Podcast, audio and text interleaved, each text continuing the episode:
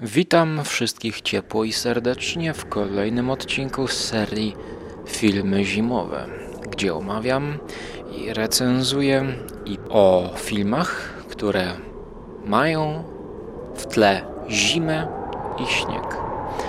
I na początku 49 odcinka, nagrywanego z żółtej piwnicy, w której jest coraz bardziej niebezpiecznie, gdyż ostatnio jak tu byłem, zamordowałem pająka ogromnego, rzucając w niego pustym pudłem przygotowanym do przeprowadzki.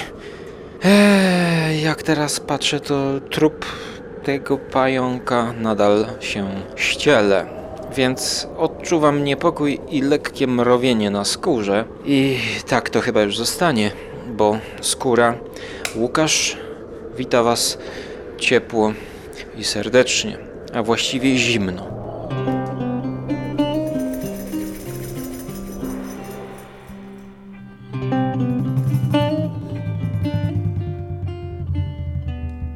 filmy zimowe skóry są też fantastyczne do roboty, no to to lubię czasami. Na pierwszej zmianie, gdy jestem mocno zmęczony, gdy wiem, że jestem na tyle zmęczony, że ciężko będzie mi się skupić nad audiobookiem, to lubię sobie wrzucić podcast chłopaków.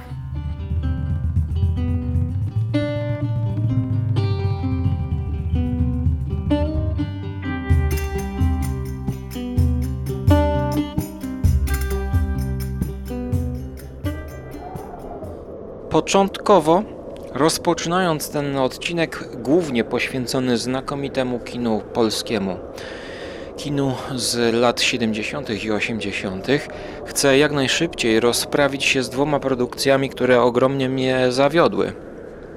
Mianowicie, nowy film wyreżyserowany przez George'a Clooney'a pod tytułem The Midnight Sky Niebo o północy. To dwugodzinny science fiction e, serwowany nam przez Netflixa.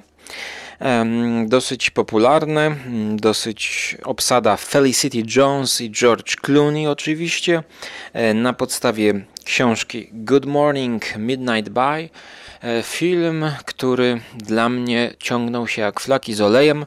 Całe szczęście nie tylko dla mnie, ale również tutaj podam i odwołam Was do recenzji e, Majka Zikri e, na swoim kanale YouTube'owym, wielki znawca science fiction, miłośnik strefy mroku.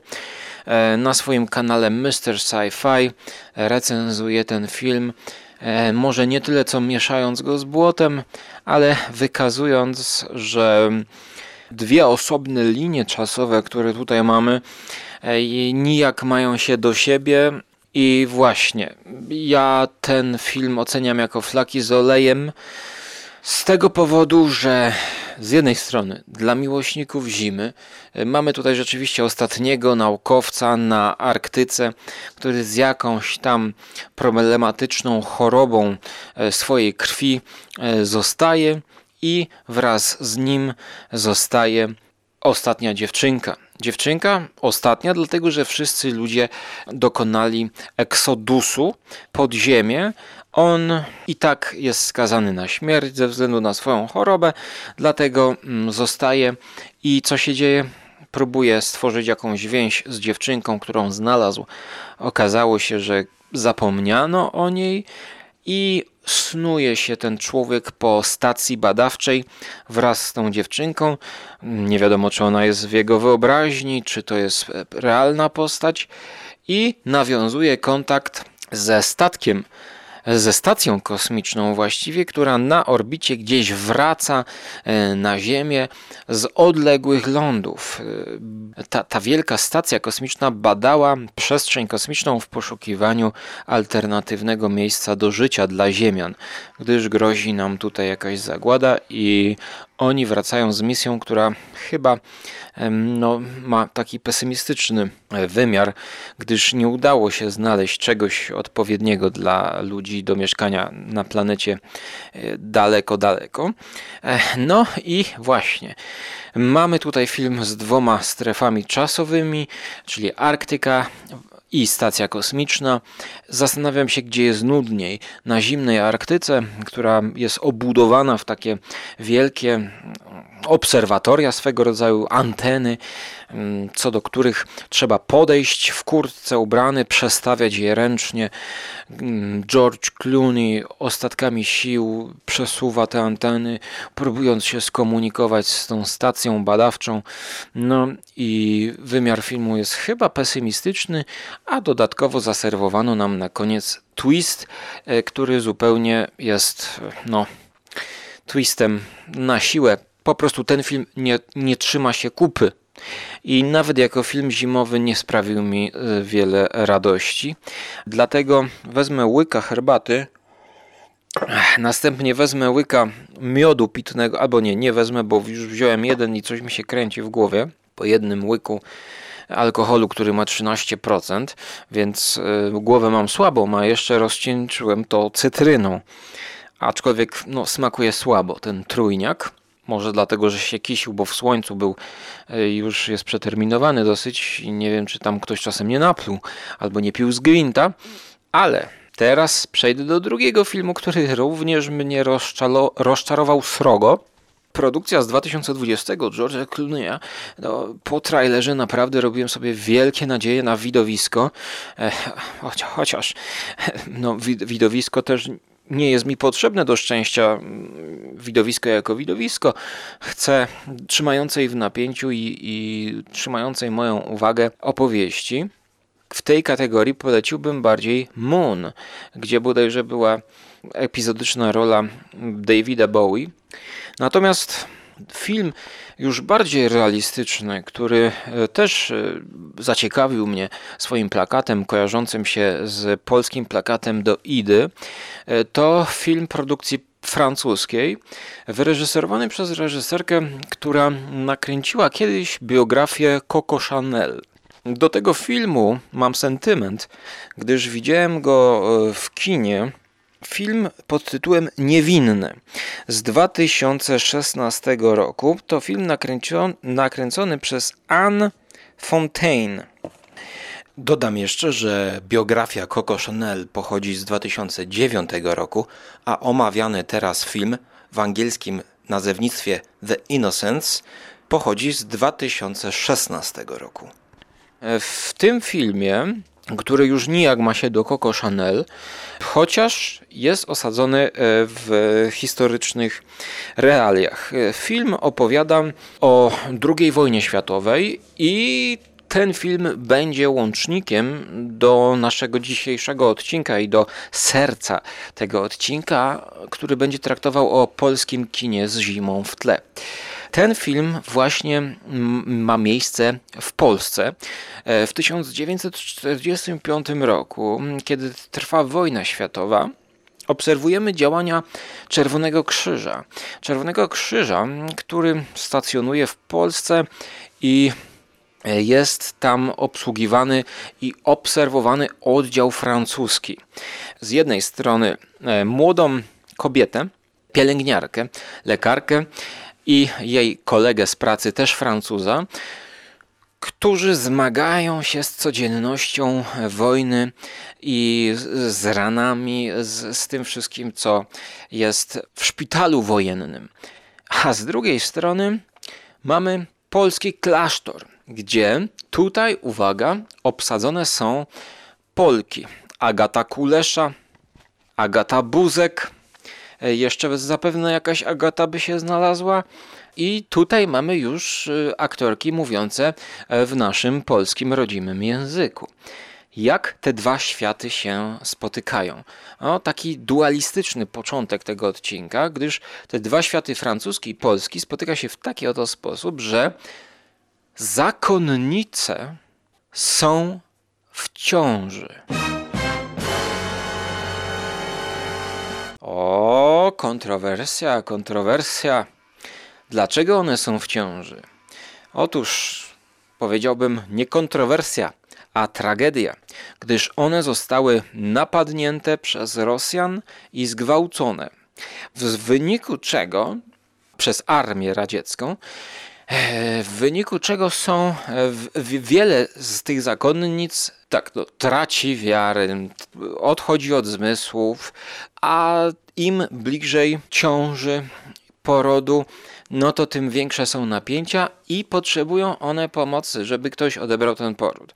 W jakiś sposób e, przypadkowy, taki trochę losowy, który już od samego początku pokazuje, że reżyserka tutaj nie dba o motywację, pokazuje, że ta francuska trafia do tego klasztoru jako pomoc. I chce odebrać ciążę. Chce być położną, pomóc, a tamte zakonnice, one się krygują, boją się. I właściwie teraz już, czego one się boją? Od samego początku ten film dla mnie jest um, trudny do zaakceptowania i trudny do wejścia w klimat. Otóż te zakonnice, one no, nie wiadomo jaką prezentują postawę. Wydaje się, że one prezentują taką postawę, jaką scenarzysta wymyśla sobie e, ze względu na moment w filmie, którym jesteśmy. I, I takim początkiem tego problemu w filmie jest właśnie ta główna francuska bohaterka, która najpierw w pierwszej scenie, kiedy ją poznajemy, widzimy jak zajmuje się w tym czerwonym krzyżu w placówce wojennymi ranami, ktoś tam bez ręki, bez nogi przychodzi właśnie zakonnica prosić ją o pomoc. A ta kobieta mówi, że nie, nie, nie, nie, nie, to jest nie nasza działka, idź tam i tam i tam. Na co zakonnica wychodzi i zaczyna się modlić na klęczkach na śniegu przed tym czerwonym krzyżem, gdzieś z boku. Nie, niezauważenie, tak jakby po prostu zaczyna się modlić. I właśnie tutaj ciekawy być może motyw z perspektywy tej sceny, motyw śniegu i zimy. Tam, no wiadomo, jak jest wojna, jak jest zima, to jest jeszcze gorzej i jeszcze trudniej to wszystko przeżyć i przetrwać. Dlatego ta zima, mm, której mogło być więcej, e, widać, że reżyserka chciała pokazać ten wydźwięk przyrody, która dodatkowo jeszcze pogarsza sytuację, tak jak ludzie, bo ludzie tutaj, e, ludzie, ludziom zgotowali ten los, te motywy też się przewijają przez ten film, no chociażby tak jak punkt wyjściowy, prawda, zgwałcone zakonnice.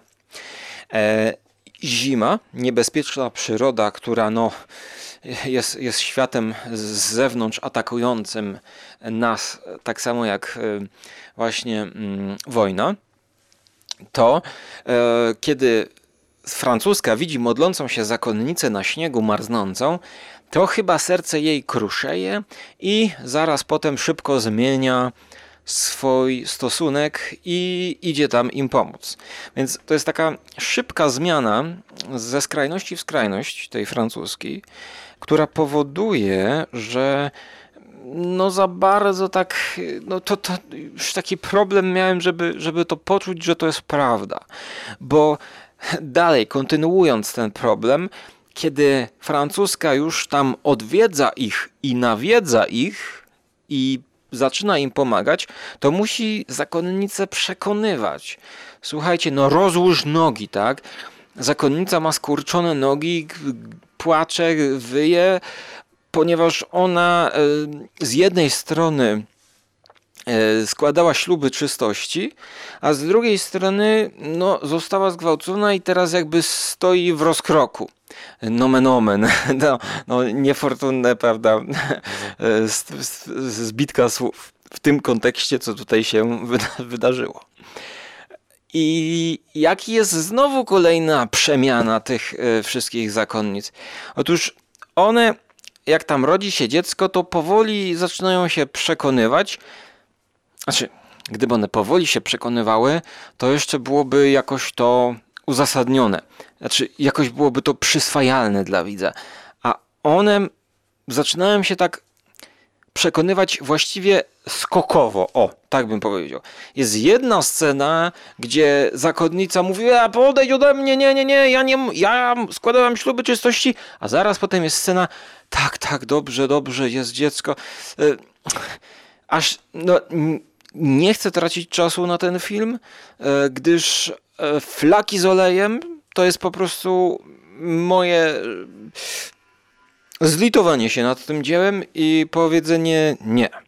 Jeśli chodzi o dzieło tej reżyserki Coco Chanel, które oglądałem w kinie e, w Lublinie, nie wiem, nie, w Lublinie to ja nie byłem, w Poznaniu, chyba w takim małym kinie, y, 6 na 10 to Coco Chanel opowieść była takim typowym e, biograficznym filmem, który, do którego nie miałem się właściwie za bardzo do czego doczepić, a tutaj mogę się doczepić, że to są po prostu flaki z olejem, które dostają ode mnie łaskawie też oceny 4 na 10. Pour nous, quand ils ont fait irruption dans notre couvent, cela était une horreur. C'est la première fois que je fais ça. C'est la fin de notre couvent. Nie potrafię pogodzić z moją wiarą tego wydarzenia. Vous n'aurez pas seulement besoin de l'aide de Dieu. Być może najciekawszą sceną, taką najbardziej pełną napięcia sceną jest scena, kiedy ta francuska chce odjechać, wrócić do swojej placówki Czerwonego Krzyża nocą, po tym jak pomogła zakonnicą, no i pech chce, że spotyka na swojej drodze ciężarówkę Rosjan w lesie zasadzoną. Nawiązuje się pomiędzy nimi rozmowa, muszą ją wylegitymować. No i dwóch Rosjan chce znowu zgwałcić tę kobietę. Całe szczęście wychodzi dowódca, który sikał w lesie i rozpędza tych patałachów i puszcza naszą francuskę. To wywołało u mnie najwięcej emocji.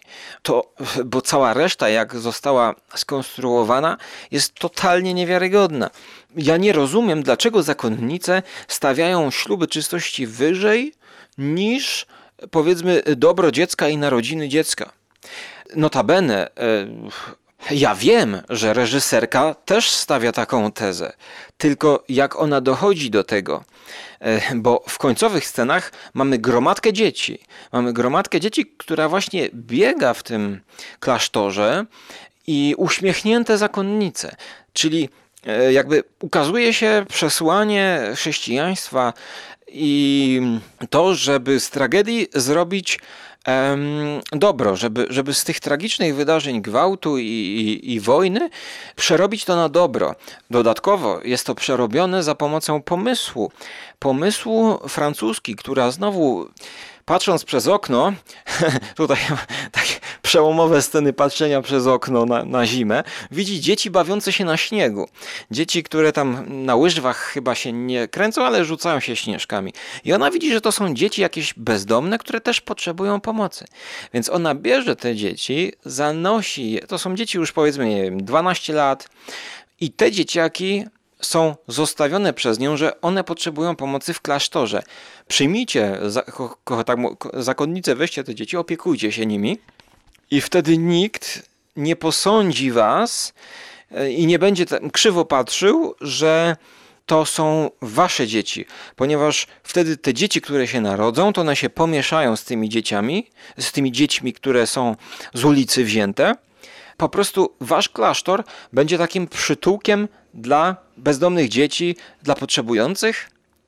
I tak, takie jest tego przesłanie. I o ile jakby ja mogę pochwalić takie e, podejście do życia, to sposób jego przeprowadzenia przez reżyserkę jest dla mnie nie do zaakceptowania. Ja zupełnie nie, no nie wchodzę, no po prostu jestem zimny jak ten lód i ten cały śnieg poza klasztorem i poza placówką Czerwonego Krzyża. Ja, Agatę Buzek, jak najdalej w pamięci, po prostu to jest źle obsadzona dla mnie postać, ale nie, ja po prostu już kończę, bo i tak 20 minut e, początku audycji to jest za długo, bo ja chcę przejść do naprawdę wyjątkowych, ciekawych filmów i właśnie polskich. Mam nadzieję, że przez te polskie nazwiska mm, płynnie, płynnie przejdziemy do no, filmów, które mnie, zaskoczyły. Ja dziwię się, że dopiero teraz odkrywam i przypominam sobie, że Krzysztof Zanussi, jeden e, no właściwie z polskich reżyserów, których szanuję, e, zrobił przecież filmy, które mają w tle i śnieg, i góry. Mais aucune n'a perdu la foi.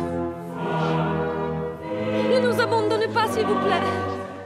Je suis là pour les aider, dites-moi comment m'y prendre.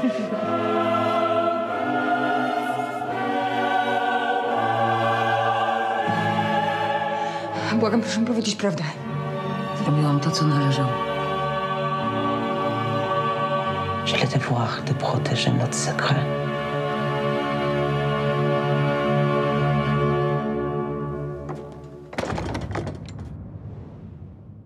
Film Krzysztofa Zanussiego zaliczamy do kina moralnego niepokoju. Nurtu w polskim kinie, który rozpoczął się na, pod koniec lat 60., praktykowany przez wielkich, takich jak Zanussi, Kieślowski czy też Wajda, to było kino moralnego niepokoju. No i tutaj właśnie, e, co to znaczy? Otóż podejmowano tematy troszkę oderwane od e, współczesności, od ówczesnych czasów, chociaż jednocześnie w nich osadzone. Ale tam było coś więcej. Nie tylko pochylenie się nad ówczesną sytuacją, ale także głębsze wejście w psychikę ludzi, w motywację i właściwie w problemy codzienności, które oczywiście musiały być jakoś osadzone e, w komunie, ale te filmy są ponadczasowe, podejmują ponadczasowe problemy.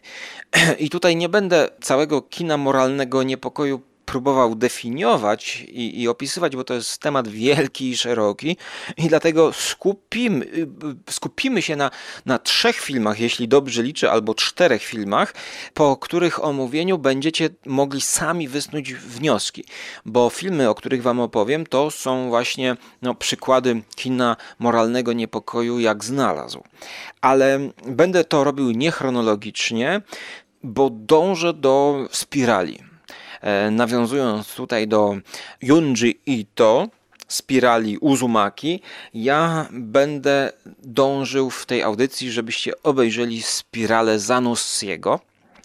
Ta produkcja najbardziej mi się podobała, a dojdę do tego początkowym filmem krótkometrażowym z 1978 z 70 roku. 1970 i Góry o zmierzchu. To 28 minut czarno-białego filmu, e, który obecnie jest dostępny na YouTube, zgrany z TVP Kultura. I Góry o zmierzchu e, w bibliografii Zanussiego zaczynają, sygnalizują, chciałem powiedzieć, e, problematykę górską. Okazuje się, że Zanussi często sięgał po Tatry, po motyw gór, żeby pokazać jakieś szczególne sytuacje mm, w życiu ludzi, na przykład w filmie Iluminacja, który nie był zimowy, ale nawet właśnie w tych filmach takich niezimowych pojawiają się wysokie Tatry. E, tak jakby w Iluminacji, gdzie główny bohater ucieka e, w odosobnienie, żeby się samorealizować, ucieka w jakiś sposób mentalnie od e, żony, od dziecka, żeby poczuć wolność. Czyli typowy motyw, można by to powiedzieć, górski. Poczuć zew poczuć wolność, bo w górach teoretycznie można poczuć wolność. To iluminacja. Znakomity film. Ale najpierw mówimy o górach o zmierzchu. Właściwie ja troszkę zapomniałem o tych górach o zmierzchu. Tak, Maja Komorowska, no już sobie przypomniałem, Maja Komorowska, mam nadzieję, że kojarzycie tę aktorkę, można powiedzieć troszkę babcie, babcie, ale taką z klasą. Dlaczego zaczynam od tego filmu? Dlatego, że tutaj pierwszy raz pojawia się schronisko przy Morskim Oku. Nie wiem, czy byliście, ja byłem parę razy tą ścieżką taką, co konie jeżdżą e, wozami, to ja wchodziłem na nogach. Raz też jechałem mm, na tej bryczce, schodzić już samemu schodziłem, już dawno, dawno. I tam jest takie schronisko, które nadal stoi, i to schronisko też, no właściwie jestem w piwnicy, nie sprawdziłem kiedy powstało. Schronisko PTTK właśnie tam był kręcony początek Gór o Zmierzchu i również Spirala. I Maja Komorowska wraz ze swoim partnerem, granym przez Jerzego Kreczmara, albo przez Marka Perepeczko chyba, e, tak, przez Perepeczko, oni przyjeżdżają do tego schroniska i czekają na profesora, starszego profesora, który lubi chodzić po górach. Oni mają z nim zamiar wejść, a właściwie nie Maja Komorowska, bo Maja Komorowska w tym filmie jest po to, to jest dziewczyna tego naszego głównego bohatera, żeby go mobilizować i jakby wyjaśnić y, widzom, po co oni tutaj są. A ten facet, który jest właśnie partnerem Komorowskiej, to jest jakimś tam pracownikiem naukowym i on czeka, aż przyjedzie w góry ten starszy pan, e, pracownik, wysoko postawiony, znaczy szef jak gdzieś tam e, w szkole czy na studiach na uniwersytecie, na Wydziale Fizyki bodajże, żeby podczas wyprawy w górę na jakiś szczyt, nie pamiętam już który, żeby poprosić go o awans albo pracę o stały etat. I Komorowska mówi mu od razu, weź mi tam, jak będzie tylko okazja, to weź mu powiedz, że ty chcesz stały etat. I mów, wiesz, musisz czuć swoją wartość i musisz po prostu powiedzieć mu. Jak go nie popycham, to nic nie załatwi. Ty wiesz, ile on zarabia w przychodni? 1800 zł na rękę. Inni oczywiście biorą od pacjentów, ale on ma skrupuły. A ja się muszę martwić, żeby do pierwszego starczył. Myślisz, że są szanse? Że załatwi mu ten etat w instytucie? Sądzę, że się tu z nim łatwiej dogada niż w Krakowie. Okazuje się, zaplanowali ten wyjazd do Morskiego Oka po to, żeby on w odpowiednich warunkach mógł go poprosić o pracę. I Maja Komorowska zostaje, w niecierpliwości czeka, aż oni wrócą. Kiedy tutaj e, przyjeżdża ten profesor, on jest taki łysy, tęgi, e, widać, że swoje przeszedł, jeśli chodzi o góry, bo góry są jego wielką pasją, a wyruszają na jakiś szczyt. E, Razem z nimi jeszcze jeden kolega i Góry o Zmierzchu. To ten tytuł jest znaczący, ponieważ półgodzinna wyprawa pokazuje nam, w półgodziny film pokazuje nam wyprawę na szczyt, podczas której nasz główny młody bohater cały czas tylko patrzy, tak jak taki młodzian, który chciałby poderwać dziewczynę na korytarzu i powiedzieć jej, znajdując odpowiedni mo- moment, w którym mógłby podejść i poprosić ją o tak zwane chodzenie, a ciągle coś mu przeszkadza. I podobna sytuacja jest tutaj, ponieważ ilekroć już nasz główny bohater chce poprosić o tą pracę i powiedzieć, to mamy nieustającą opowieść naszego profesora właśnie o górach, który opowiada o tym, jakie góry są, co wynika z wędrówek, dokąd prowadzą te wędrówki mentalnie, czego możemy się nauczyć w górach. I on właściwie kontempluje góry, ten profesor, i opowiada o tych przeżyciach, opowiada o tym, że kończy się już jego życie. I być może ta wyprawa jest jedną z ostatnich wypraw na górę, że on już potem będzie rezygnował, żeby, żeby mu się nic nie stało. Jakiś malarz. Nie jakiś, tylko dosyć znany malarz. Pan Andrzej ma rację. Jakiś malarz. Nic właściwie po nim nie zostało, tyle że się dobrze zapowiadał. Każdy się kiedyś dobrze zapowiadał. Po kostku zostało kilka szkiców, jeden czy dwa obrazy, których już nie pamiętam. A to przejście pamiętam. Zarobiliśmy wtedy trochę pieniędzy. Kroiłem w prosektorium. Kostek odmalował jakiś kinoteatr. Było tego coś z 80 złotych. Kupiliśmy sześć wyciorów i konopną linę. Nie było wtedy nilonowych, ani plachet biwakowych. To przejście na owe czasy to był problem. Ha, aż trudno dzisiaj uwierzyć. Przecież teraz, panie profesorze, to przejście też nie jest łatwe. A, pan jest bardzo uprzejmy. No, a nie muszę dodawać, że oczywiście to się dzieje chyba zimą. Morskie oko jest zamarznięte i jest dużo śniegu i oni tak naprawdę wchodzą zimą. Co ciekawe, to chyba Sławomir Idziak już wtedy pracował z Zanussim i jeszcze jakiś jeden facet, który był specjalnie do zdjęć wysokogórskich. To, co robi naprawdę spore wrażenie, to to, że ja nie wiem, jak wysoko oni weszli, ale tutaj są to wygląda tak, jakby oni to kręcili cały czas wchodząc na, na jakiś szczyt.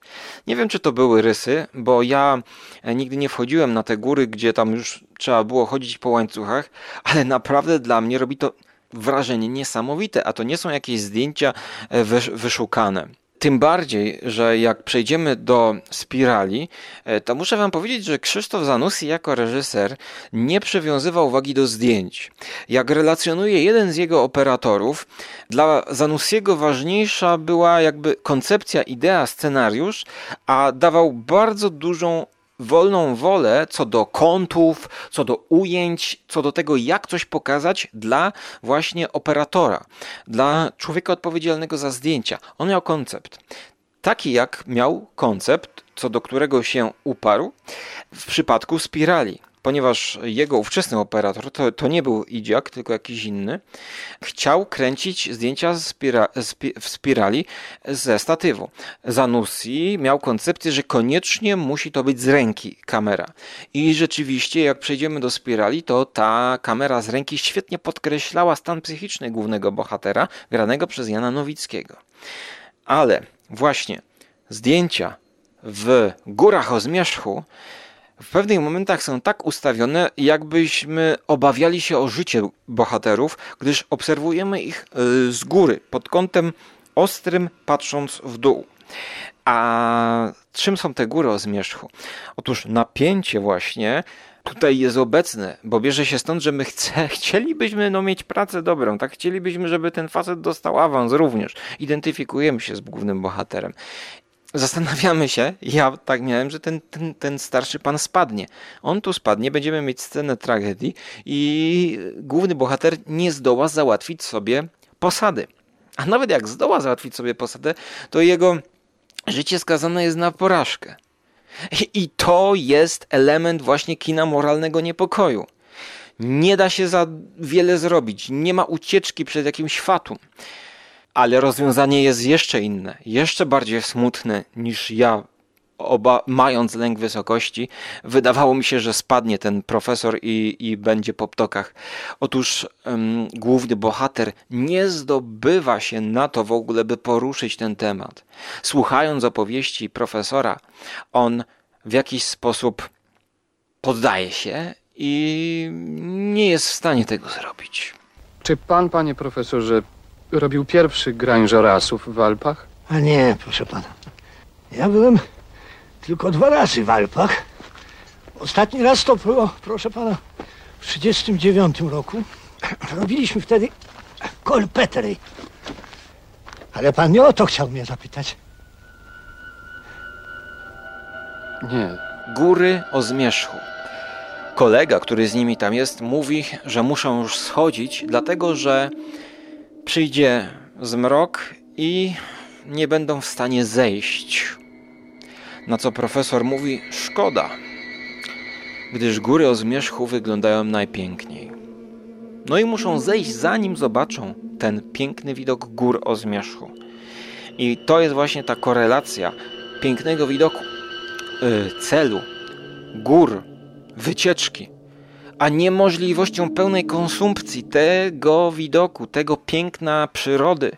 Tak samo jak jest niemożliwe dokonanie tej prośby o awans czy, czy o pracę. Maja Komorowska, widząc wracających z gór mężczyzn, pierwsze co robi, to pyta swojego partnera, czy zapytał, jak to, jak to się rozwiązało. I film kończy się tak pesymistycznie, kiedy Maja Komorowska komentuje, że przecież po to tutaj przyjechaliśmy, tylko po to przyjechaliśmy, żebyś mógł o to zapytać. Muzyka Wojciecha Kilara, mm, nieżyjącego już autora, który współpracował z Zanussim jako jeden z pierwszych, właśnie e, współpraca Wojciecha Kilara z Zanussim to była jedna, to była chyba jego pierwsza współpraca w ogóle dla kina, gdyż Kilar wcześniej był kompozytorem e, osobnym, niefilmowym. Przygotowując się do tego odcinka, korzystałem z trzech książek, z czterech książek, innymi biografii e, Kilara, e, książki Wojciecha Kuczoka o kinie, felietony o kinie i historii kina polskiego. ale jakby jestem w piwnicy i nie będę dawał cytatów, nie robiłem notatek, będę to jakby wam streszczał ze swojej głowy, bo teraz, och, teraz napiję się. Mhm. Przypomnę, że jeżeli podobają się mo- Wam moje audycje, to możecie wesprzeć skórę i audycję skóry na Patronite, gdzie możecie zapłacić powiedzmy piątaka. Jest e, próg piątaka, piątaka, próg piąt, ptaka piątaka, gdzie mm, możecie mi postawić kawkę, którą ja raczej e, zamienię na herbatkę, żeby pić podczas tych opowieści. I mm, teraz przechodzę do z audycji z góry przechodzę do debiutu pełnometrażowego Krzysztofa Zanussiego. Przechodzę do roku 69 pod tytułem Struktura kryształu. Struktura kryształu to jest głośny debiut Zanussiego, od taki mm, pokazowy film dla e, szkoły szkoły moralnego niepokoju. Krzysztof Zanussi związany był z wytwórnią Tor i e, dzisiaj całe szczęście wytwórnia filmów Tor jest na YouTubie i możecie sobie za darmo obejrzeć kilka, no chyba nawet 10 filmów zremasterowanych Zanussiego jest do obejrzenia. Właśnie jak to dzieło e, z 1969 roku, które omówimy, które jest bardzo ciekawym przykładem. Tak? Marek Perepeczko to jest Janosik y, w filmie Góry o Zmierzchu. Więc Góry o Zmierzchu dostępne na YouTubie. A teraz cofamy się rok wcześniej. Wnikniemy w strukturę kryształu. E, Już sam ten tytuł, właściwie tytuły filmów Zanussiego są takie poetyckie z jednej strony, struktura kryształu, a z drugiej strony takie matematyczno-fizyczne, chłodne, naukowe. Otóż dlatego, że Zanussi był chyba z wykształcenia fizykiem. Toż interesował się właśnie nauką i fizyką, która to fizyka i matematyka w jego filmach jest często obecna.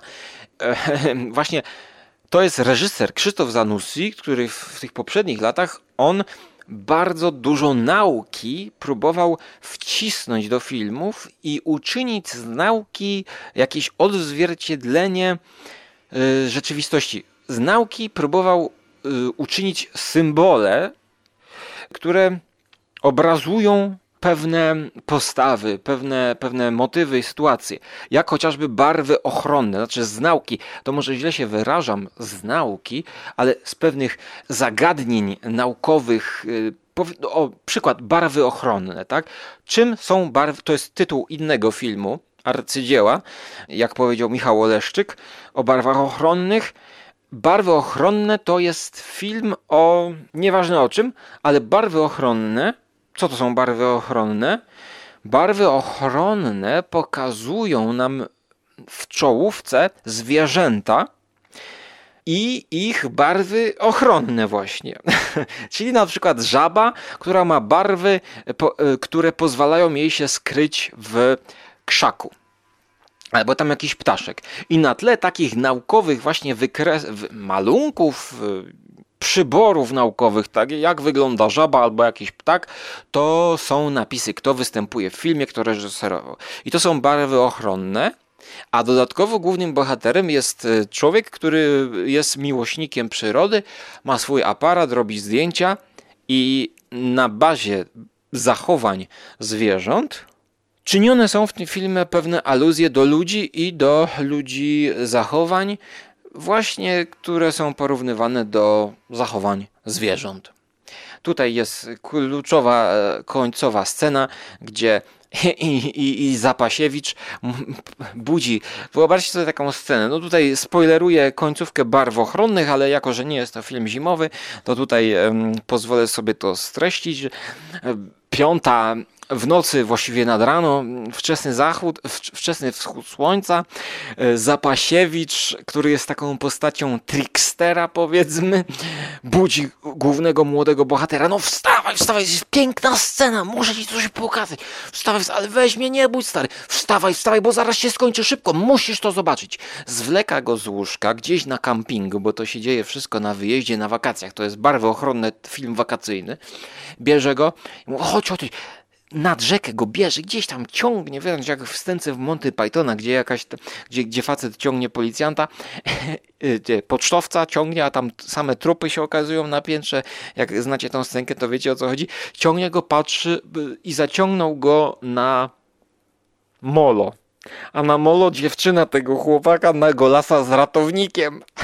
I jak e, widzi załamanie tego głównego bohatera, to Zapasiewicz zaczyna się śmiać i tłumaczyć mu, że no to jest przyroda, słuchaj, no tak to jest w przyrodzie. I potem następuje scena kulminacyjna.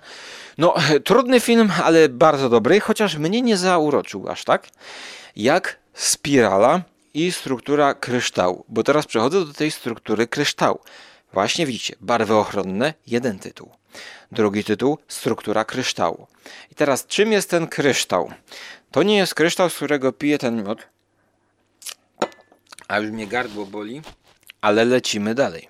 Człowiek współczesny w wielu wypadkach prześcignął naturę. To, co robimy sztucznie, jest często lepsze niż to, co znajdujemy czy kopiemy w ziemi. A jak ty mnie tu właściwie znalazłeś?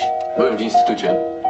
Dużo plotek na twój temat. Rozmawiałeś ze starym. Mam dokładnie mu opowiedzieć po powrocie, czym się zajmujesz. Struktura kryształu jest to film zimowy pełną gębą, który też polecam. Polska, zima i wieś. I na tej wsi mieszka facet ze swoją partnerką. Facet w wieku chyba 34 lat, grany przez Jana Mysłowicza, który ma partnerkę Annę, graną przez Barbarę Wrzesińską. Oni mieszkają na wsi z dziadkiem. Mieszkają w takiej starej wsi, w domu. I ten facet, Jan, jest meteorologiem, meteorologiem. Jego praca jest taka, że on jest tak jakby troszkę na wygnaniu, powiedzmy, poza miastem. On musi po prostu codziennie tam spisywać e, opady atmosferyczne, robić statystyki pogodowe. I przyjeżdża tam do niego syrenką Andrzej Zarnecki, przepraszam, Marek Karwe, Kawecki, grany przez Andrzeja Za, Zam, Zarneckiego, który przyjeżdża do niego z miasta. Początkowo nie wiemy po co. Okazuje się, że to są starzy dobrzy kumple, które, którzy razem studiowali, ale ich drogi się rozeszły, ponieważ ten przybysz, Jan, zaraz, Marek, kuźwa, Marek, tak, przybysz, wyjechał do e, Nowego Jorku i tam uczestniczył w produkcji i w badaniach nad różnego rodzaju kryształami właśnie. Szyby bodajże produkowali, jakieś specjalne mm, konstrukcje, nie wiadomo co. Ameryka, panie. Nareszcie. Pozwól, poznajcie się. Moja żona Anna. Kalecki. Wiecie, że to ładnie. To tutaj? No to Tak. oczywiście parę kroków. O, widzisz, tu jest mój ogródek meteorologiczny. Aha. No, a tu Tak, nasza chałupa. Chałupa to prawdziwa posiadłość. No, no. Na szczęście państwowe. I to jest facet, który przyjeżdża prawda, w tweedowym e, marynarce z syrenką, prawda, elegancja, na wieś. Zima, słuchajcie. Psy szczekają, jest mróz, pozamarzane wszystko. W kożuchach chodzą jak na Rusi Kijowskiej. I następuje starcie się dwóch postaw życiowych. Postawy człowieka, który mm, z, kobietą mieszka na wsi i właściwie nie osiąga nic więcej.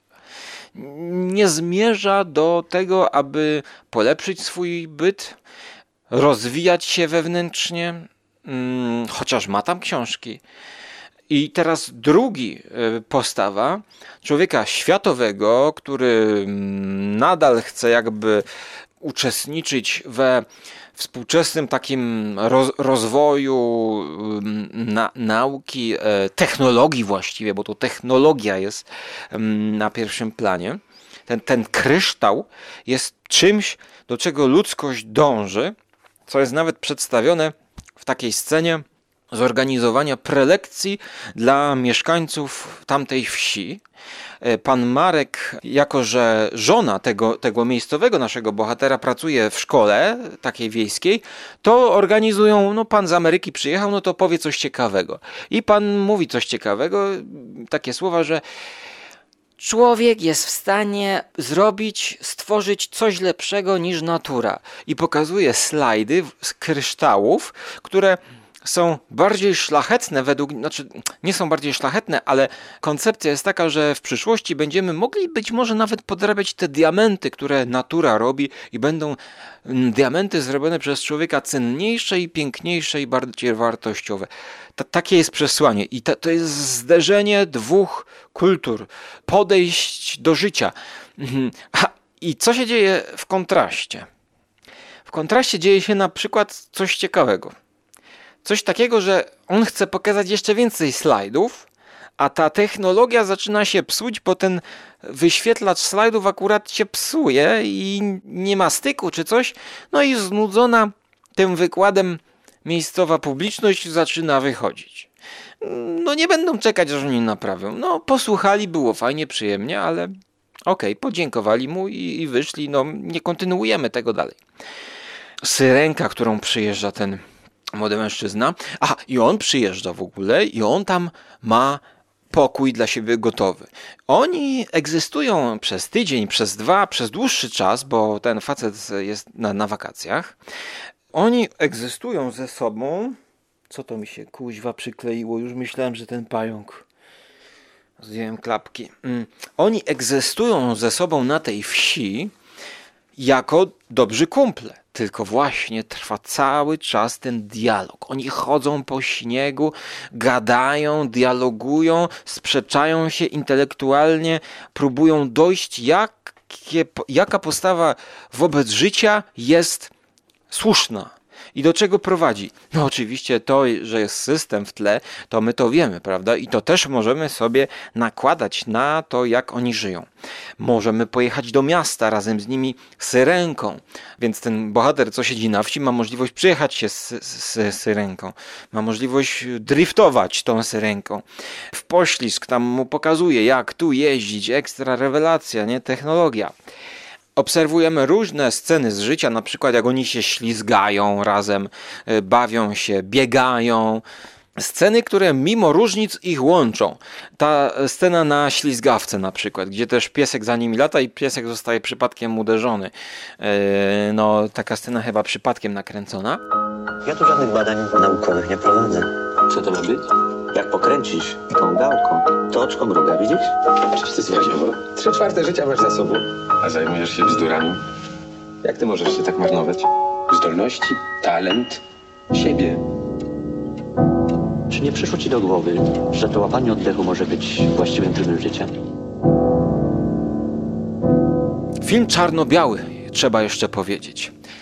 I film, który istnieje wraz z muzyką e, Wojciecha Killara. Film, na który swój debiut Krzysztof Zanussi miał taki pomysł, że koniecznie e, musi być to film dopasowany do muzyki. Film zrobiony tak jak teledysk, a nie muzyka zrobiona do filmu post factum. No i najpierw Zanussi przyszedł do mm, Killara, znaczy najpierw w ogóle przyszedł do innego. Chyba do Góreckiego, jeśli dobrze pamiętam. I Górecki powiedział mu, panie, ja nic nie rozumiem z tego pana z koncepcji. Być może Killer pana tylko zrozumie. On też jest taki naukowy. Poszedł do Killara Zanussi, powiedział mu, że potrzebuje muzyki, e, która by podkreślała naukowe wykresy, matematycznych wzorów, taką mechaniczną muzykę która ilustruje spór pomiędzy dwoma ludźmi. Killar zrobił tą muzykę i wziął Zanussi tą muzykę gotową i dopiero zaczął kręcić film w Puszczy Kępinowskiej. Okazało się, że ta próba była mm, no, waleniem głową o ścianę, gdyż wszyscy mówili Zanussiemu, że tak się nie da kręcić filmów, że najpierw musisz mieć film, a potem do tego ci skomponują muzykę. No i Zanussi mówi, że tak, e, to mogłem jednak posłuchać, ponieważ musiałem drugi raz kręcić film. I drugi raz musiała zostać muzyka skomponowana już do filmu.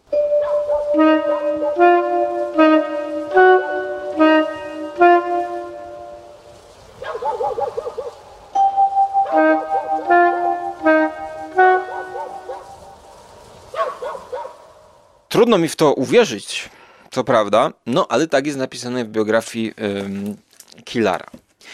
Y, Tym bardziej, że można dać przykład na przykład Tarantino, który w filmie Dzie- Dziewięć Bastards bodajże bierze y, gotową muzykę Ennio Morricone i tworzy film pod muzykę.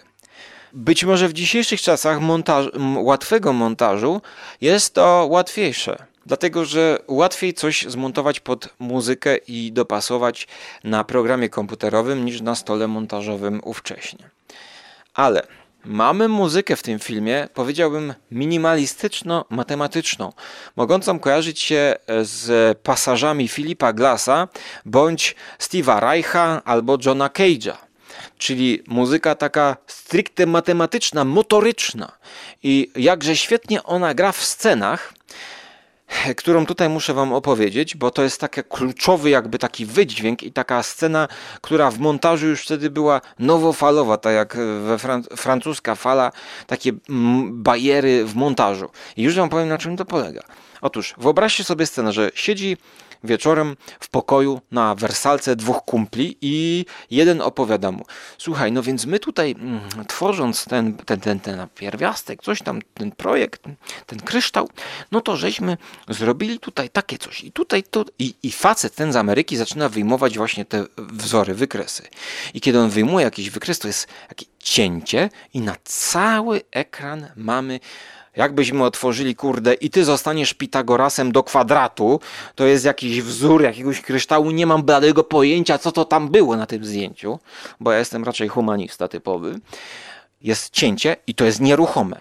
I w montażu coraz bardziej przyspieszają te wzory, przyspieszają, przyspieszają, przyspieszają te wzory i muzyka motorycznie robi du du du du du du du du du du i jednocześnie ten drugi kumpel ze wsi, on zaczyna jakby się nudzić, nużyć i traci zainteresowanie. I potem mamy analogiczną scenę.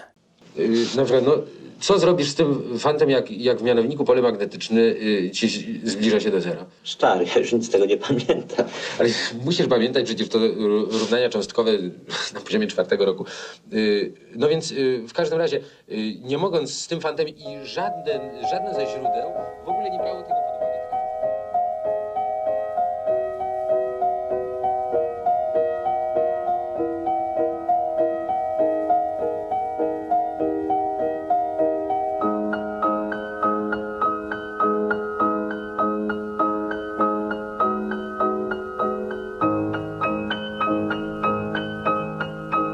Analogiczną scenę. Jak ten ze wsi zaczyna o swoich e, fascynacjach związanych z filozofią, właśnie z humanistyką, opowiadać temu kumplowi, który ma umysł no, bardziej matematyczny, i następuje analogiczna scena. Ta sama muzyka nakładana jest na dialog, dialog jest wyciszony, my widzimy ich rozmowę bez głosu już, czyli że słowa przestają być ważne, a muzyka ukazująca proces myślowy tych, tych ludzi przysłania nam ten dialog. I wiemy właśnie, że oni są ludźmi z zupełnie innym podejściem do życia. No i o tym jest struktura kryształu. Piękny film, naprawdę. Zima tutaj tylko podkręca ten klimat właściwie jakiejś takiej, no pustki, ale no nie powiedziałbym, że to jest taki kino moralnego niepokoju, gdzie niepokój jakby e, bierze górę i wychodzimy smutni po tym seansie. To jest naprawdę taki film e, bardziej optymistyczny. Wręcz zarzucano e, Zanussiemu, że on właśnie w tamtych czasach nie podejmował ważnych tematów społecznych. Jakby uciekał od oceniania i jawnego jakby potępiania e, ówczesnych władz. No bo ten film rzeczywiście jakby stoi poza tym, co się działo na bieżąco. Jedyny kontakt z, z wydarzeniami, które się dzieją, to jest gdzieś tam radio. Jakieś wiadomości, ale to oni tam puszczali sobie komedę, jakiś jazz, coś takiego puszczali, nie? Albo druga scena, to jak oni idą na targ i widzimy, że no na tym targu to, co ludzie w tym mieście oglądają i kupują, no to jest właśnie taka no, koniec lat 60., smutna codzienność, gdzie, gdzie w syrenie ktoś podjeżdża i sprzedaje papierosy z samochodu, a dziecko patrzy i właściwie jakaś tam zabawka to jest jakiś konik czy, czy, czy, czy coś takiego prostego. To, to jest ta publicystyka. No brak doraźnej publicystyki w tym filmie. Struktura kryształu dla mnie otrzymuje ocenę zaraz, chyba 7 na 10 dostała ocenę. Już pierwsza w nocy. No nie mam, no, no nieważne. 8 dałem, no proszę, 8 dałem. No dobrze, no dobrze, ale ta zima naprawdę tutaj jest pierwsze ujęcie statyczne, kamera się w ogóle nie rusza i jest tylko śnieg i śnieg i ta nasza para czeka aż przyjdzie ten facet z Ameryki. Więc jakby już w pierwszym ujęciu mamy pokazany Konstans, e, nie Konstans, Konstans, e, tak, Konstans to jest ciągłość, czyli taką e, ciągłość, taką, taki spokój na wsi, która zostaje zaburzona dopiero jak ta syrenka przyjeżdża i, i kamera wtedy schodzi ze statywu. Konstans, bo mówiłem, że będziemy niechronologicznie dzisiaj opowiadać. Konstans to również tytuł filmu Zanussiego z 1980 roku, w którym zima też pełni o bardzo, no ja się zastanawiałem w pewnym momencie, czy Zanussi to zrobił tą zimę, włożył do tego filmu yy, intencjonalnie, czy po prostu kręcił wtedy, kiedy była zima, taka zima nie do końca mroźna bo w strukturę kryształu to jest wręcz struktura śnieżki, powiedziałbym, struktura płatka śniegu. Jest tyle nawalone śniegu na tej wsi. Natomiast w filmie pod tytułem Konstans zima, która jest obecna w mieście e, głównego bohatera, który, który mieszka w mieście, jest takim elementem przypominającym mu, że on trochę chce wyjechać w góry właśnie, zimą wspinać się w górach i że chce uciec. Zima i śnieg i też mamy kolejną scenę ze ślizgawką lodową w mieście. Ta zima jest taka no nie do końca tak jakbyśmy dzisiaj takie słabe zimy są, nie? Ta zima nie pozwala rozwinąć skrzydeł głównemu bohaterowi. Więc teraz przechodzimy do 80 roku. Zaczynamy opowieść o filmie Konstans, który również jest w zremasterowanej wersji dostępny na YouTubie. O czym to jest? Otóż główny bohater ma tam jakąś pracę, no już nie pamiętam. Nie, nie, no pamiętam o czym to jest. ale, ale chcę skracać, bo już jest 50 minut ponad. Ogólnie to tak. Główny bohater, młody człowiek, jest zdarzony ze śmiercią swojej matki, z którą miał dobre, dobre relacje. I tutaj już wchodzi trochę ta, e, no nie chciałbym powiedzieć publicystyka, ale ta rzeczywistość, jakieś tam konszachty w pracy, stanowiska. Facet chce wyjechać do Indii, wyjeżdża do Indii jak na delegacji z pracy, ale też chce do Kanady wyjechać. Ogólnie problem właśnie tego filmu jest taki, że kiedy matka umiera mu, to on no, zmaga się po części z, z, z, tą śmiercią matki, ale zmaga się ogólnie z ówczesną rzeczywistością. Sytuacją, jak zachować postawę etyczną i nie dać się zjeść systemowi bardziej właśnie. No nie chcę streszczać tego, bo tutaj zimy jest zdecydowanie mniej, ale jak widzimy już zamysł tego filmu i widzimy, że pasja głównego bohatera, pasja do gór między innymi, y, jest, jest jakby czymś, co on w życiu naprawdę pragnie, bo ten film zaczyna się właśnie wycieczką w, w góry, gdzie jest śnieg i gdzie jest napięcie, ponieważ on na linie trzyma swojego dobrego kolegę, który spada I on, trzymając na tej linie, trzyma w rękach życie tego człowieka. Czujemy napięcie i wiemy, że dążenie do spełnienia swojej pasji może prowadzić do utraty życia, a jeśli nie życia, to przynajmniej swojej e, osobowości, tak? swojej e, psychiki i swojej, swojego jestestwa, ponieważ w tamtych czasach i w tamtej sytuacji, jeżeli chcemy się zrealizować, to się po prostu nie da. I ja interpretuję właśnie stąd ten tytuł Konstans. Jest po prostu ciągła szarzyzna. Well, what are you scared of? You can be whatever you want to be. Well, listen, I was born in uh, my country in certain conditions, and I can I cannot change it at once. Every man has got his own choice. Just like you. No. To jest gra, w której sami ustanawiamy reguły. Gra jest piękna, czysta.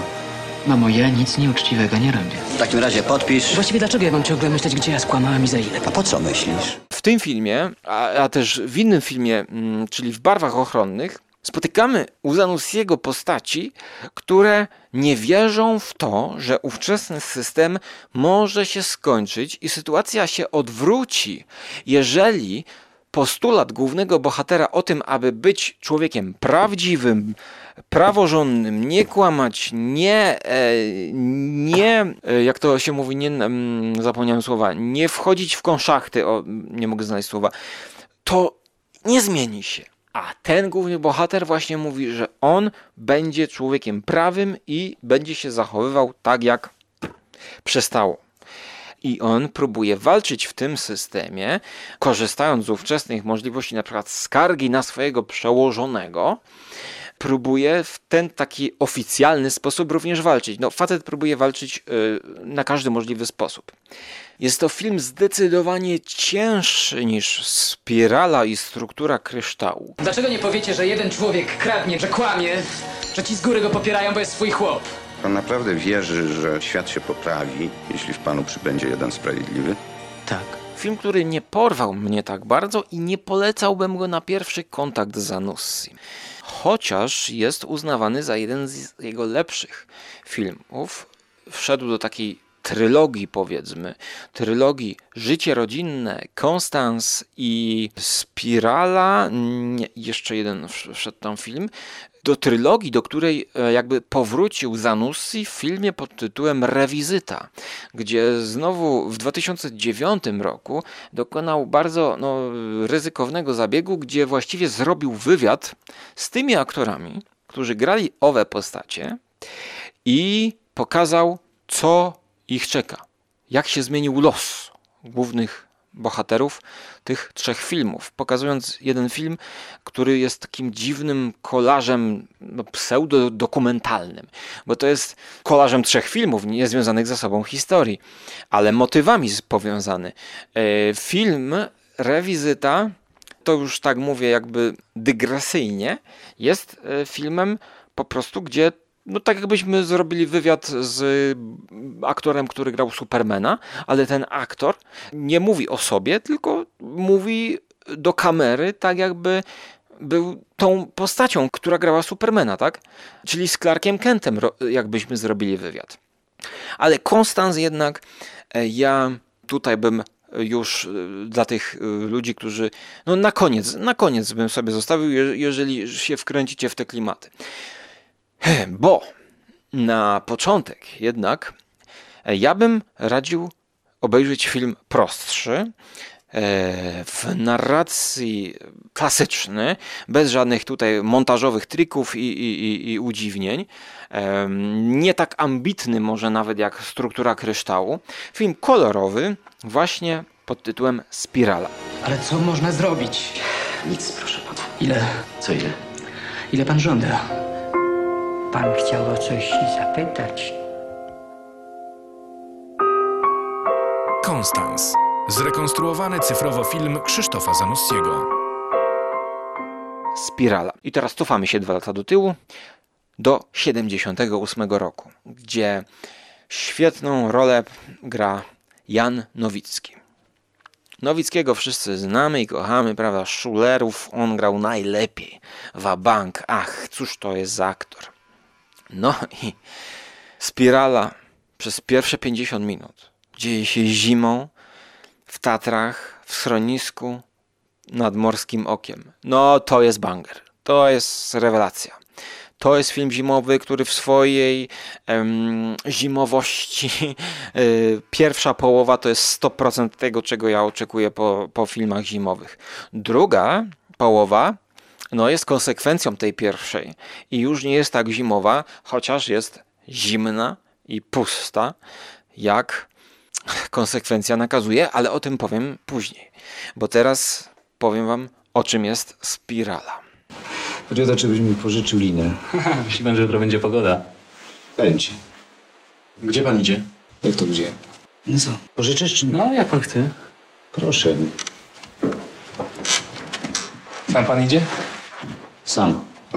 I może zrobię tutaj taką pauzę, bo chcę zachować brak spoilerów. Dlatego, że ten film może zaskoczyć. I ten film buduje napięcie. I dobrze to oddaje napis na IMDb. A strange, arrogant tourist arrives at Morskie Oko Mountain Shelter. I tym strangerem, aroganckim turystą jest właśnie Nowicki. Nowicki, który przyjeżdża e, trabantem, nie pamiętam, przyjeżdża ubrany w taką kurtkę brązową, w siwiejąca broda, golf, sweter, dżinsy, plecak. Przyjeżdża, parkuje, no nie pod Morskim Okiem, bo tam nie można podjechać, ale gdzieś tam w górach jeszcze będzie dochodził pod schronisko. I co robi ten człowiek? Co pierwsze daje nam takie klimaty, powiedziałbym, no Twilight Zone wręcz, thriller, typowe, takie zagadkowe filmy, nie? Co tu będzie się działo? Kim on jest? Po co tu przyjechał i co zrobi? Zadajemy sobie to pytanie, ponieważ widzimy, że on najpierw zamyka samochód na opuszczonym parkingu, no bo to jest zima, i wyrzuca kluczyki do rzeki. A wiemy, on nie chce tutaj wrócić. On e, już jakby przekroczył pewną e, granicę, tak? Rubikon. Nie bez kozery em, wrzuca kluczyki do rzeki. Przekracza pewien Rubikon, punkt, po którym już nie ma powrotu. U Zanussiego i w kinie moralnego niepokoju jest właśnie pełno takich smaczków i symboli. Next morning, in spite of danger, he climbs alone and the search for...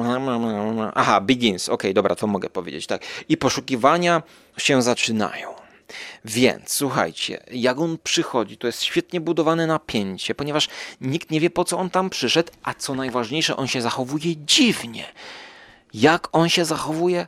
Zaczepia ludzi. W ogóle jakieś rzeczy od czapy z nim. Ten czerwony Opel, co stoi przy wodospadzie, to pana? A co, chcesz go kupić? A co, chce pan go sprzedać? Tak. Powiedziałbym, że to się zaczyna jak dobry film science fiction, e, taki, wiecie, e, niszowy science fiction właśnie, bez efektów specjalnych, jak na przykład Under the Skin e, z Scarlett Johansson. No, no tylko gdybym jakby no nie patrzył na gatunki, no to mógłbym i, i gdybym wiedział, że to nie jest polskie kino, e, to mógłbym sobie robić nadzieję, że to będzie jakieś science fiction, że to jest jakiś przybysz z obcej planety w ogóle, Em, no albo facet z problemami, no bo coś tu jest nie tak. Co, I tutaj em, początkowo, pierwsze powiedziałbym tak 15-20 minut reżyser tworzy nam naprawdę wielkie pole do naszej gry wyobraźni, że my sobie dopowiadamy. E, no, no słuchajcie, no, żyjąc w Polsce, no to ja już wiem, że to jest, że to nie jest science fiction i że to nie jest horror, e, ale jakbym oglądał to z perspektywy, nie wiem, no, Amerykanina, który trafia na klasykę polskiego kina, to mógłbym e, zastanawiać się, co ja oglądam.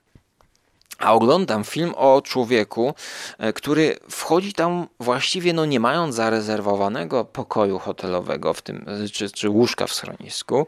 No i poznaje i, i tam spotyka młodszych i starszego też szefa schroniska. No i zaczyna e, w ogóle linę chce. A Po co linę? No bo on chce wejść tam w górę, ale po co? No a chce się powiesić może. Żartuje sobie na przykład. Em, to jest jeden z pierwszych jego dziwnych przejawów zachowania. Drugi to na przykład, kiedy wchodzi na jadalnię, wszyscy tam się bawią, jedni starsi w karty grają, drudzy śpiewają i jest świadkiem sceny, kiedy ten starszy, szef schroniska, zaczyna uciszać tą młodszą młodzież, no, mło- no powiedzmy tam ludzi od 20 paru lat do 30 paru lat, że bądźcie ciszej, bądźcie ciszej. Na co Nowicki patrzy i mówi, nie, nie bójcie się, śpiewajcie, śpiewajcie, nie bójcie się go. I podchodzi do tego starszego gościa i mówi, co ty, kim ty jesteś w ogóle, żeby się tak zachowywać? Co ty mówisz do tych ludzi? Kim ty jesteś? Spięcie, znakomicie wyreżyserowane napięcie, naprawdę, no jak w amerykańskim filmie. No ja nie chwalę polskiego kina współczesnego, ale ten początek, ta pierwsza połowa to jest banger. Co ty wiesz? Co ty wiesz? Ty... Rządek dla pani. Ktoś tu komuś przywalił mordę. Wywalą go ze schroniska. Nie wiemy, co się będzie. Całe szczęście e, stary wyga, e, trzyma nerwy na postроnkach i nie dopuszcza do eskalacji, przemocy. Ale wiemy, że coś z tym gościem jest nie tak. I teraz, jeżeli chcecie się dowiedzieć, co z nim jest nie tak na własnej skórze, to w tym momencie radzę przerwać ten, ten, podcast, bo to już jest ostatni film, jaki dzisiaj omawiam, żeby sobie nie zepsuć, no nie chcę powiedzieć niespodzianki, bo to może w kontekście drugiej połowy filmu być, e, no niespodzianka, jakiej nie chcielibyście oglądać, e, ale e, ja będę teraz po prostu spoilerował. Będę spoilerował całą drugą połowę filmu i naprawdę polecam ten film. Jest to film zimowy, który powinniśmy oglądać w schronisku PTTK pod Morskim Okiem. I bo tam był on kręcony. Dokładnie tam. Jeszcze z widokiem na zamarznięte jezioro, na zamarznięte morskie oko, gdzie morskie oko i to zamarznięte morskie oko wraca w ostatniej scenie i jest bardzo ważną sceną, symbolem właściwie trudnym do zinterpretowania, e, o czym pisze w znakomitym eseju Wojciech Kuczok. Wojciech Kuczok to jest ten, e, który mm, był znany, no, pisarz, znany pisarz, z, który napisał scenariusz i na podstawie jego powieści Małgorzata, zapomniałem nazwiska, wyreżyserowała Pręgi film. Ja nie lubię tego filmu bardzo, mm, ale eseje Kuczoka o kinie, którego on jest fanem, e, bardzo polecam i to są eseje o kinie ekstremalnym. On tam pisze m.in. o Pasolinim, o 120 dniach Sodomy, o e, on pisze o Gasparze Noe, on pisze o kinie ekstremalnym, e, o śmierci, o horrorach, o umieraniu. Mm, Po prostu Kuczok w kinie szuka wrażeń no, skrajnych. I dlatego między innymi pisze właśnie o spirali, e, o Zanussim dużo pisze w tej książce. Mm, To jest kino chyba z piekła rodem. E, W opisie tego odcinka będziecie mieli mm, wszystko, całą bibliografię. Natomiast teraz żegnam Was i ci, którzy oglądali, może pamiętają, no to ja jeszcze powiem kilka słów na temat tego, jak to wszystko się kończy, a jest również co oglądać, bo jak y, ten Nowicki wyrusza w góry rzeczywiście, to potem mamy naprawdę sceny trzymające za gardło w górach. Sceny e, wyprawy, sceny helikoptera, z helikoptera. I w szoku jestem, oglądając to w 2021 roku. No, po krótkiej przerwie posłuchajmy paru dialogów z filmu. E, wracamy już ze spoilerami, aby dowiedzieć się, kim był Jan Nowicki w tym filmie. Nie bójcie się. Śpiewajcie, co się będziecie go bać? Kochani, mamy taką prośbę, nie hałasujcie tak, bardzo prosimy. Przy kartach własnego głosu człowiek nie słyszy. Słuchajcie, proszę was, śpiewajcie. Wszystkiego musicie się bać, nie bójcie się. Śpiewaj, ty. Panie, wie pan kto to jest ten facet? No kto? Kto on jest? No kto on jest? Kto? Kto ty jesteś? Ty! Jak się pan uspokoi, dobrze? Bracie, nic nie rozumiesz, wy wszyscy, wy wszyscy nic nie rozumiecie. Czy, czy wy wiecie c- na przykład co, dlaczego, po co? Coś tam jednak wiem. Co wiesz? Wiesz coś? A powiedz mi, co wiesz. Nic nie wiesz, ja ci powiem, co ty wiesz, bo ja, ja się na tym znam, bracie. Ja się na tym znam. Samochód, sukces, wyjazd za granicę. Tu popieprzyć, tam popieprzyć. No i co? A potem jak to wszystko weźmiesz, jak już to wszystko trzeba będzie podsumować, weźmiesz w garść, naciśniesz, to wyjdzie ci, wyjdzie ci między palcami śmierdzące gówno, rozumiesz? No o co panu chodzi? A co ja mam? Teraz dla przyszłych pokoleń? Nie pyskuj. Nie pyskuj, stary, i nie śmiej się, bo kiedyś możesz gorzko płakać. Jan Nowicki postanawia chyba popełnić samobójstwo. Jan Nowicki, jak to napisał Kuczok w swoim świetnym eseju, który właściwie jest dopełnieniem filmu świetnym, próbuje dokonać na sobie takiej autoeutanazji, ale w sposób taki, żeby, żeby nie było. Żeby czego nie było. No właśnie. I tutaj jest analiza Kuczoka e, ludzi, taterników, ludzi, którzy zdobywają szczyty. No zobaczcie. Ktoś taki, kto chce popełnić samobójstwo, to jak on wyjdzie w góry tak umiejętnie, że tam zamarznie i zostanie, to nawet może stać się bohaterem. A chciał popełnić samobójstwo. No ale to się nie udaje Janowi Nowickiemu, który z jednej strony ma wstręt do życia, a z drugiej strony nie ma na tyle siły, żeby popełnić to samobójstwo, przynajmniej w pierwszej połowie filmu. I zostaje odnaleziony na półce skalnej, zamarznięty, ale przeżywa, zostaje uratowany w akcji ratunkowej, która jest pokazana tak, że no ja się zastanawiam, jak tam facet spada ze śniegu, ze skały, z góry, to ja, ja mu Kurde, uratuj go, co? I wy to nakręciliście? Jak oni to nakręcili? Oni po prostu wyszli, nakręcili jak facet kurwa spada normalnie z góry. No. Nie widzę innej opcji. I to jest na jednym ujęciu, no, no na dwóch, na cięciu, na cięciu, ale i tak dla człowieka z, z lękiem wysokości to dla mnie jest o kurde, jak oni to nakręcili. No, zaryzykowali. No. I druga część, no to oczywiście jest rekonwalescencja.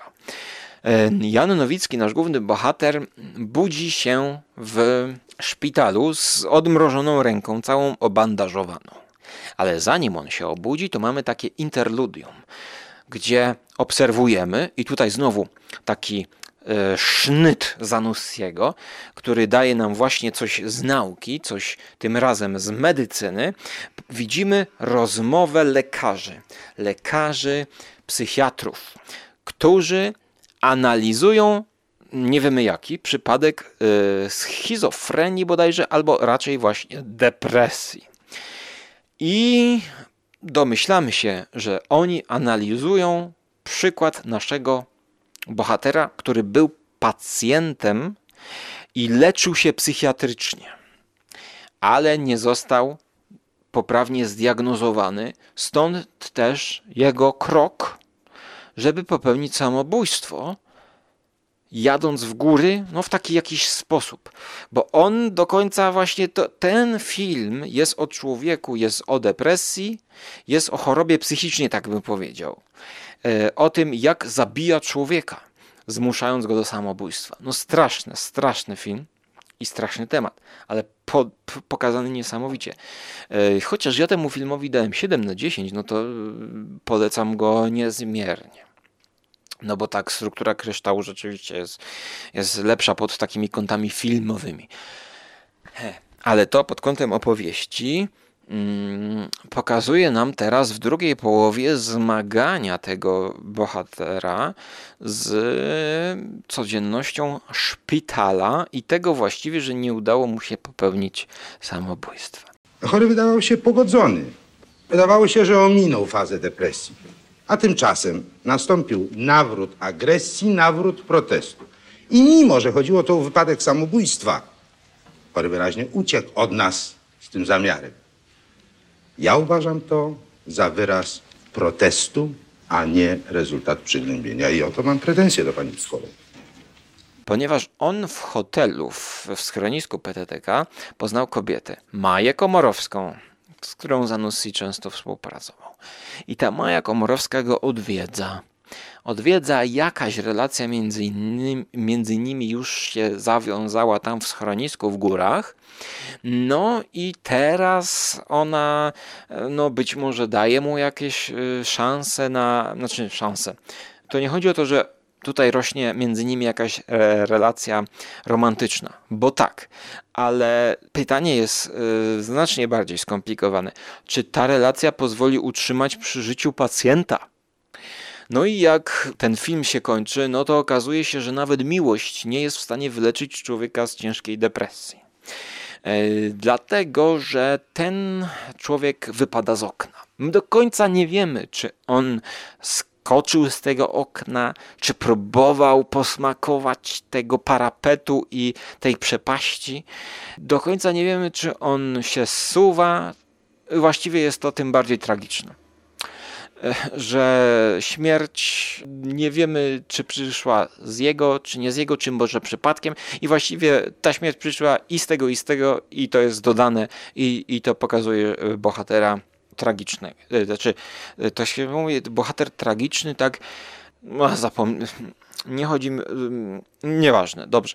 Oczywiście, oprócz samego końca tego bohatera, który jest pokazany no, z dużej wysokości, właśnie już e, kiedy zima mm, się, kiedy śnieg się topi i- on leży gdzieś tam pod blokiem szpitala, pod budynkiem, właściwie w takim no, zupełnie nie, nieciekawym, w nieciekawej scenografii, w takiej brudnej właśnie, perelowskiej, e, takiej blokowej wręcz, co jest kolejnym kontrapunktem dla tej pięknej śmierci, którą być może on sobie przewidział w górach. Ale nie udało mu się wykonać, e, no bo go uratowano, tak? No więc stąd ten, o, tragi, tragikomizm pewien, to też za duże słowo, e, bo, bo tutaj nie ma żadnego komizmu, ale właśnie też trzeba patrzeć na to, jak ten film jest skonstruowany pod kątem takich dwóch połówek, które ze sobą e, jakoś tam współgrają. Z tego powodu, że na początku, w pierwszej połowie, jak widzimy bohatera, który się pojawia w tym samochodzie czerwonym, przystojny, broda, on wygląda, on jest charyzmatyczny. A kiedy w drugiej połowie go e, widzimy, to on leży pod pierzyną, zawinięty w ten blady. On, on jest zupełnie już niecharyzmatyczny, niepociągający. On jest już takim strzępkiem człowieka. Może coś ci się przyda? Mm? Śmieszna jesteś. To dobrze. Skąd go wzięłaś? Szukał cię. E, Jastrzębia Góra? To dobrze, że Jastrzębia Góra? Mm, No i tutaj właśnie e, zima i ten mróz, który jest, ale już bez śniegu, e, no jest po prostu oddechem śmierci, zbliżającej się śmierci po naszego bohatera. Fascynujący film. 78 rok. Zanussi wtedy już zwraca uwagę na choroby związane z psychiką, psychiatrią i pokazywał, próbował w jakiś sposób ludzi uczulić y, na, na tego typu choroby. W 78 roku już. Tak więc szapoba tutaj z mojej strony. E, Jest to dzieło, które jest niezapomniane, które jest pewnym wyzwaniem dla widza w tej drugiej połowie. To na pewno, bo pierwsza połowa jest piękna. Pierwsza połowa jeszcze można by to powiedzieć jest jak życie, a druga już jest jak umieranie. To jest proces umierania w szpitalu pokazany z taką chyba najstraszniejszą sceną, jak on spaceruje po szpitalu i natrafia na komorę czy komnatę, gdzie są obmywane zwłoki jego towarzysza z sali, z którym przebywał. E, Tam krzyczą na niego, że tu nie można wchodzić e, pacjentom. No i kiedy on widzi tego faceta z jego sali, który, który już nie żyje, jest nago ob- obmywany, no to już totalnie się załamuje zaczyna płakać na korytarzu, rzucać się po ziemi. No i tutaj, i to jest, to jest zna, znakomita rola Nowickiego. I znakomity film, ale właściwie e, ja już nie mam siły, słuchajcie, gadać szczerze mówiąc, bo nie dość, że gadam, to jeszcze chodzę tutaj w kółko po tej piwnicy. Więc e, podsumowanie naszego spotkania, e, no to jest e, właściwie kino oscylujące od przyjemnego do nieprzyjemnego. Jeżeli chcecie przyjemnego kina, to Góry o Zmierzchu. Pół godzinki, polecam. I Struktura kryształu. A to dlatego, że struktura kryształu jest nawet czasami zabawna, komediowa, o wiele lżejsza, no i zimowa pełną gębą. I to są dwa takie filmy, które, na które chciałbym zwrócić uwagę. W przyszłym odcinku, y, jeżeli uda mi się nagrać, to zaczniemy od filmu, do którego Killar napisał muzykę, do filmu Narciarze, do filmu trochę dokumentalnego, no i wreszcie może powiem o obiecanym dokumencie na temat Finlandii. Będzie trochę weselej, e, bo chciałbym tutaj wrzucić światła po tym e, mocnym odcinku. No, a kończąc podsumowanie, no to jeżeli macie odwagę na coś mocniejszego, no to Konstans i Spirala w odwrotnej kolejności. Najpierw Spirala, potem Konstans, bo jednak Konstans, no to może troszkę znudzić bardziej, ale Spirala, no to jest kino no, amerykańskie powiedziałbym wręcz. Pięknie wyremasterowane, dzisiaj odrestaurowane.